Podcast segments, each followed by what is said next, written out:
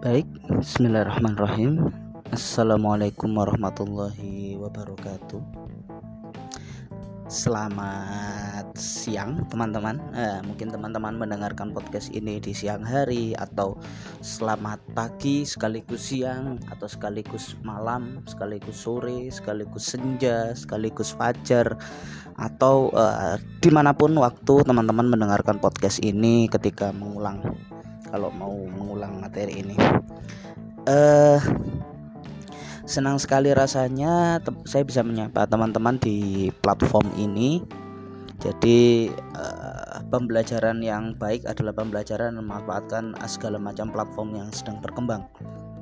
Uh, dalam pertemuan kali ini saya sengaja tidak menggunakan Zoom dan kita menggunakan chat by WhatsApp namun kalau hanya chat by WhatsApp dan saya share materi, saya yakin teman-teman akan kesulitan apalagi materi yang saya bawakan ini materi yang sebenarnya cukup kompleks, materi yang sebenarnya tidak mudah untuk dipahami secara singkat, materi uh, yang sebenarnya saya lebih mudah untuk menjelaskan dalam perkuliahan tatap muka.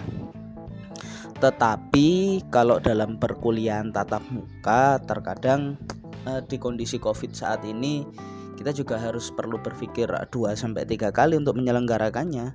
Saya sendiri lebih nyaman kuliah tatap muka daripada kuliah online.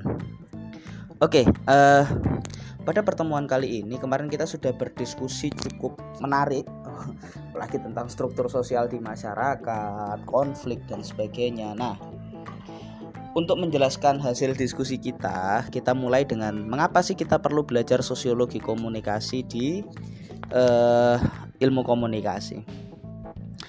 Uh, sosiologi komunikasi sendiri adalah salah satu dasar. Jadi kalau teman-teman tahu ilmu komunikasi itu ilmu yang menarik karena dia didasari dengan banyak sekali perspektif keilmuan yang menjadi latar belakang ilmu ini terbentuk. Eh, teman-teman uh, mungkin sudah tidak asing dengan mata kuliah psikologi komunikasi. Lalu kenapa juga ada sosiologi komunikasi? Bahkan seharusnya ada antropologi komunikasi, namun itu lebih bisa dijelaskan dalam pengantar ilmu komunikasi.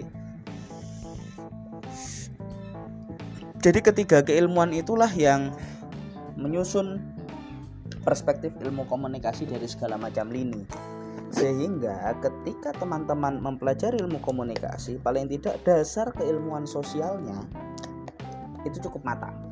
Nah paling tidak teman-teman tahu perspektif dan juga histori lah. Apalagi apa pembicaraan-pembicaraan yang mungkin bisa dilakukan atau biasa dilakukan di dalam interaksi sosial. Selama ini teman-teman sudah menjalankan akan tetapi eh, keilmuan itu kan apakah kita bisa memotret suatu fenomena dan menjelaskan segala sesuatu itu secara nalar e, rasio dan bisa dipertanggungjawabkan? Itulah yang disebut keilmuan. Maka dalam e, konsepnya sosiologi itu kan berasal dari kata logos dan sosio artinya ilmu yang mempelajari tentang sosial, sosialisasi, ilmu yang pelajari tentang interaksi dan komunikasi. Ya, komunikasi mungkin teman-teman sudah belajar di pengantar ilmu komunikasi. Apa sih itu komunikasi? Nah, itulah.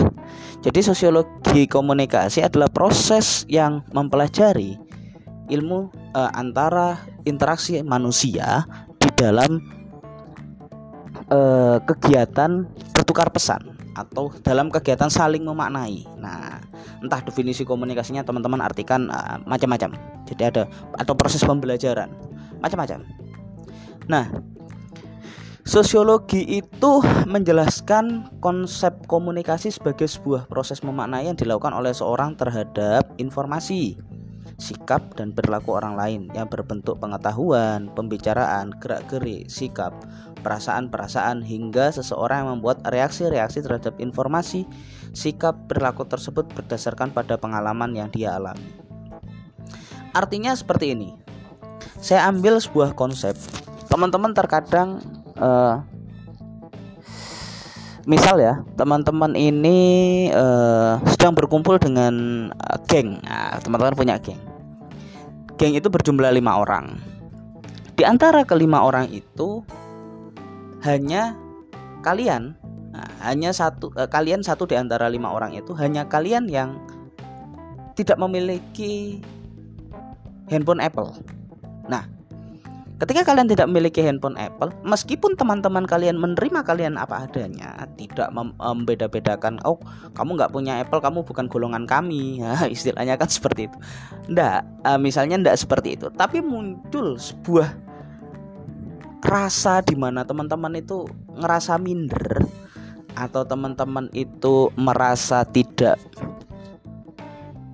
bisa menerima informasi atau teman-teman merasa dikucilkan, nah itu akibat dari sebuah interaksi.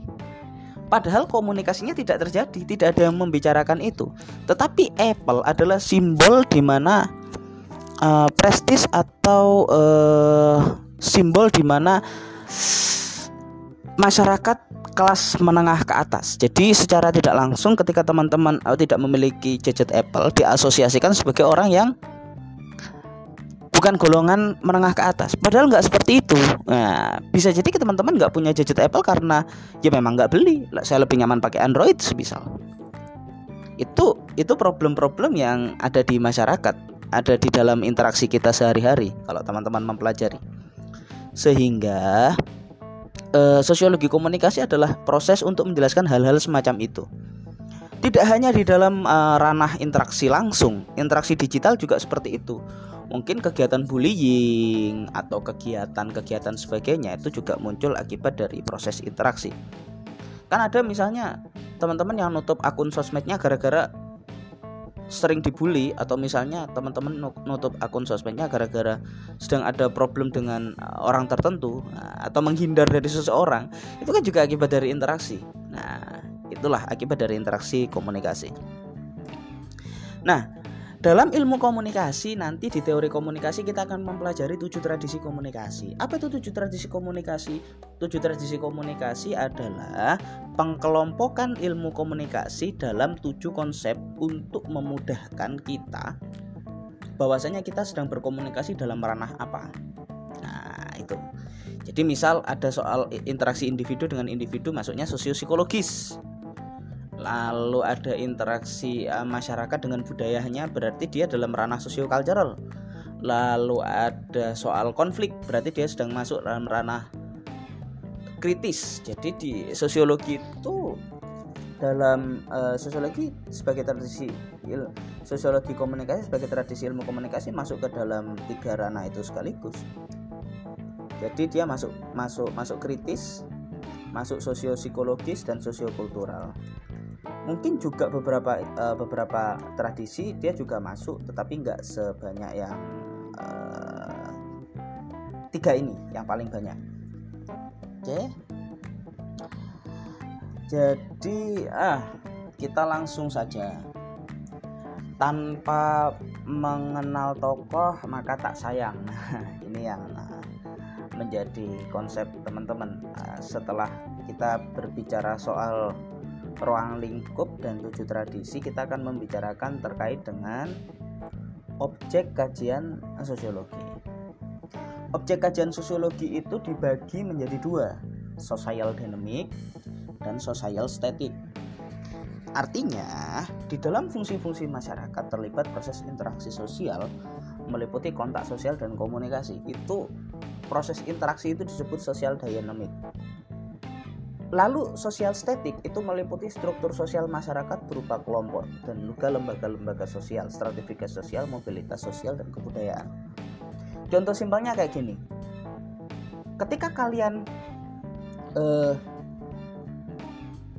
dikucilkan di dalam di dalam interaksi grup WhatsApp misalnya karena kalian sering ngomong ngawur dan sebagainya teman-teman sudah nggak mau mendengarkan lagi omongan kalian itu di dalam uh, objek kajian sosiologi ketika yang dibahas adalah pengkucilan di dalam WhatsApp itu masuk sosial dynamic atau konflik di dalam grup WhatsApp itu itu masuk sosial dynamic. Dynamic itu dinamis, artinya berubah-ubah. Bisa jadi kalian hari ini konflik, besok karena ada sesuatu kalian hari ini jadi uh, aku ragi. Nah, bisa dilihat apa yang mengakibatkan konflik, apa yang mengakibatkan aku ragi. Nah, seperti itu apa yang mengakibatkan kalian uh, bertengkar apa yang mengakibatkan kalian bisa akur lagi? Itu bisa itu bisa dilihat dari sosial dinamiknya. Namun ketika kalian melihat dari sisi sosial estetik yakni kalian melihat struktur WhatsApp-nya siapa yang jadi administrator di situ siapa yang paling banyak menguasai siapa yang menguasai informasi di situ. Nah itu sosial Eh, lembaga-lembaga sosial, stratifikasi sosial, kelompok yang istilahnya ada wujudnya, ada ada ada ada kalau dalam komunikasi itu ada semacam uh, lembaga. Nah, kalau jadi gini, kalau kalian melihat berita, ini saya berita, saya konsep kalau kalau WhatsApp mungkin terlalu abstrak. Kalau kalian melihat berita dari sisi kontennya, atau dari sisi interaksi masyarakat terhadap konten berita itu itu namanya social dynamic. Tetapi ketika kalian melihat medianya media masanya itu social static. Jadi misal ada berita di Tirto terkait dengan eh, semisal Cak Imron melakukan eh, skandal dengan eh, salah satu oknum aparat misalnya. Skandal apa gitu. Nah ketika yang kalian lihat ada skandal saya itu social dynamic. Namun ketika kalian melihat bagaimana Tirto menyampaikan skandal itu itu social static. Nah mudah toh dipahami? Seperti itu. Jadi tidak usah bingung-bingung. Uh, ada dua aja dua kajian ini Nah, dua objek ini mempengaruhi cara pandang atau semacam e, cara cara atau paradigma. Paradigma itu adalah bagaimana kalian melihat sesuatu, ruang lingkup. Misal gini lah. Kalian melihat ballpoint, ballpoint kalian misal. Ketika kalian tegakkan, maka dia akan terlihat panjang. Ya toh? Akan akan terlihat tinggi. Nah, ketika kalian tegakkan ballpoint kalian akan terlihat tinggi. Namun ketika kalian datarkan, dia akan terlihat panjang. Apa bedanya panjang dengan tinggi? Nah, itulah paradigma. Ketika dilihat dalam posisi tidur, dia panjang. Nah, ketika dilihat dalam posisi uh, berdiri, dia tinggi. Itu paradigma. Atau simpelnya gini, kalian melihat gajah? Gajah ini uh, asumsi yang paling banyak dipakai. Gajah ketika kalian melihat gajah itu dari depan yang terlihatnya belalainya kalian pegang itu kan seolah-olah gajah itu seekor ular. Tapi yang ketika kalian pegang itu kakinya seolah-olah gajah itu seperti badak. Mana yang benar? Ya nggak ada yang salah nggak ada yang salah. Cara pandang manusia dibatasi hal-hal semacam itu. Contoh saya sedang memegang uh, ballpoint semisal saya sedang memegang ballpoint. Kemudian ballpoint ini saya masukkan ke kantong. Apakah ketika teman-teman melihat bahwasanya saya tidak membawa ballpoint adalah salah? Tidak. Tapi ketika teman-teman berpikir masa dosen nggak bawa ballpoint? Apakah itu juga salah tidak. Nah, itulah cara pandang paradigma. Maka akibat adanya perbedaan objek kajian sosiologi tadi itu paradigma itu bergeser. Yang satu jadi social uh, dynamic itu menjadi konflik kritis. Tokoh-tokohnya ada Karma. Kalau teman-teman sudah tidak asing lagi dengan tokoh yang membuat uh, Marxisme dengan das kapitalnya, nanti akan saya jelaskan cukup detail terkait dengan pemikirannya Karma ini lalu ada John Dewey. Ada John Dewey. John Dewey ini tokoh yang cukup menarik sebagai aliran uh, sosiologi kontemporer. Lalu ada Jurgen Habermas. Nanti kita akan bahas sendiri terkait dengan Jurgen Habermas itu. Nah konflik kritis ini paradigma konflik kritis ini muncul akibat objek kajian sosiologi dari sisi pandang sosial dinamik Salah satunya muncullah paradigma konflik kritis. Nah, yang struktur fungsional itu karena dia melihat struktur dan juga fungsi yang ada di dalam masyarakat. Struktur itu bisa lembaga keluarga eh, pemerintahan kerajaan eh, lingkungan pendidikan. Struktur itu macam-macam itu muncullah aliran-aliran struktural fungsional seperti yang tidak asing Auguste Comte, Emil Durkheim, Robert Merton, dan Talcott Parson. Itulah yang memunculkan pemikiran-pemikiran sosiologi klasik. Nah, sosial dinamik itu memunculkan aliran-aliran sosiologi postmodern. Salah satunya adalah jargon Habermas jargon Habermas ini sendiri kalau teman-teman tertarik nanti ini ada uh, materi saya terkait dengan pemikiran jargon Habermas di uh, slide saya yang nomor 7 jadi teman-teman bisa baca materinya tentang jargon Habermas. Sekilas tentang jargon Habermas kalau teman-teman tertarik karena mungkin nanti salah satu case-nya akan banyak menggunakan teori beliau kita nggak apa-apa pakai satu paradigma tapi yang cetok daripada kita belajar banyak paradigma tapi ya setengah-setengah. Jargon Habermas ini punya konsep yang namanya public sphere dan communicative action. Artinya dia melihat bahwasanya kita hidup di dalam struktur masyarakat yang sebenarnya itu bisa berubah-ubah. Nah, apa yang bisa merubahnya? Komunikasi. Singkatnya cara pandang Habermas seperti itu. Selama semuanya itu uh, masih terjadi komunikasi, maka struktur sosial di masyarakat uh, bahkan uh, yang global artinya dunia itu bisa berubah. Contoh singkatnya kayak gini lah. Dulu zaman saya kuliah itu belum ada WhatsApp, belum belum ada aplikasi-aplikasi internet yang misalnya cukup canggih seperti saat sudah ada sih WhatsApp sudah ada saya kuliah satu dulu tahun 2012 dan uh, Mas sudah ada WhatsApp? WhatsApp sudah sudah ada. Namun uh, adanya WhatsApp di ketika saya kuliah dulu itu belum masif seperti saat ini. Gadgetnya masih belum masif.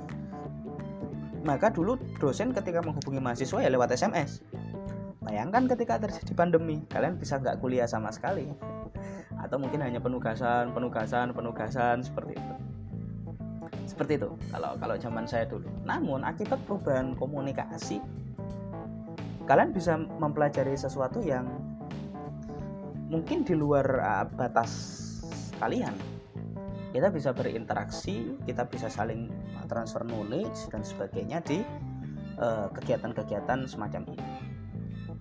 Maka nanti teman-teman yang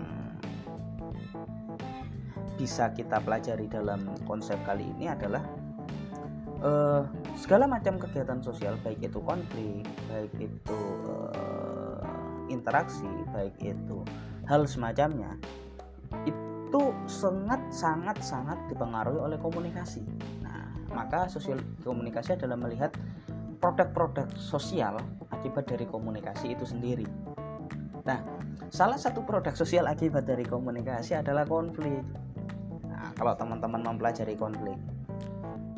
Apa itu konflik? Konflik adalah pertentangan antara satu dengan satu individu dengan individu lainnya, satu kelompok dengan kelompok lainnya, satu masyarakat dengan masyarakat lainnya. Pertentangan itu sampai pada dalam tataran frustate. Artinya frustate ketika pertentangan itu masih berbentuk dialog, itu bukan konflik. Tapi kalau sudah dalam tataran frustate, frustate artinya sudah tidak ada jalan tengah, maka muncullah konflik. Apa yang bisa dilakukan? Ya kita komunikasikan lagi karena yang mengakibatkan adalah komunikasi, maka yang dilakukan adalah kita lakukan komunikasi ulang. Contoh. Contoh ya. Semisal kelompok ini saya bagi menjadi dua kelompok. Yang satu saya kasih isu eh, kelas ini saya bagi menjadi dua kelompok. Yang satu saya kasih isu untuk eh, coba kamu bikin makalah atau artikel atau kajian terkait manfaat akibat adanya teknologi digital. Satu manfaat. Dampak positif dari teknologi digital. Kalian bicara banyak banget kita bisa memudahkan dan sebagainya bicara di situ. Lalu yang kelompok satunya saya bagi lagi dampak negatif akibat teknologi digital.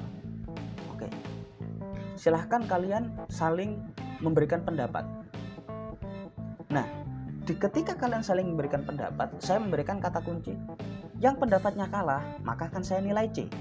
Kalian akan mati-matian untuk saling mempertahankan argumen kalian bahkan bisa menjadi konflik ini sudah pernah terjadi di kelom uh, di semester 3 jadi semester 3 itu pernah konflik akibat uh, bukan akibat penugasan tapi akibat salah komunikasi antara satu individu dengan individu yang lain ketika namun semua diselesaikan dengan komunikasi. Nah, karena orang komunikasi memulai konflik dengan komunikasi, penyelesaiannya ya komunikasi.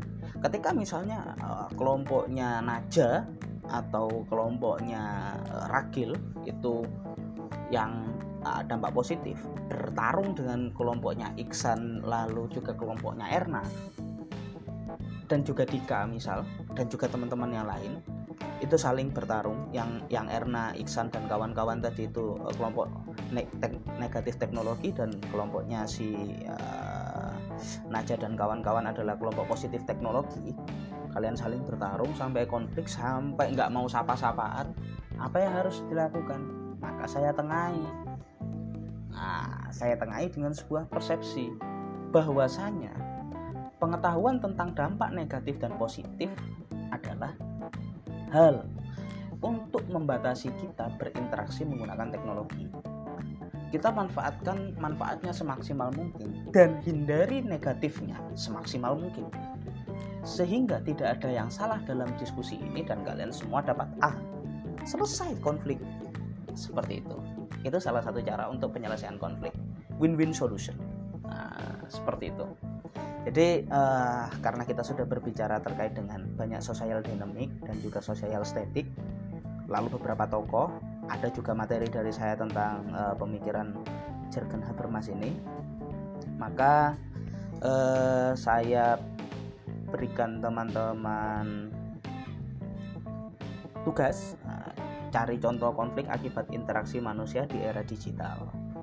Entah itu konfliknya antara individu dengan masyarakat, individu dengan kelompok, kelompok dengan kelompok, masyarakat dengan masyarakat, dan sebagainya. Silahkan, banyak sekali konflik-konflik yang ada di sini. Nah, kalian sebutkan konfliknya apa, ini akan menjadi kajian kita di minggu depan. Mungkin itu saja dari saya, kurang dan lebihnya mohon maaf. Selamat belajar, ada beberapa materi dari saya, kita berdiskusi kita berdiskusi di sini dan wassalamualaikum warahmatullahi wabarakatuh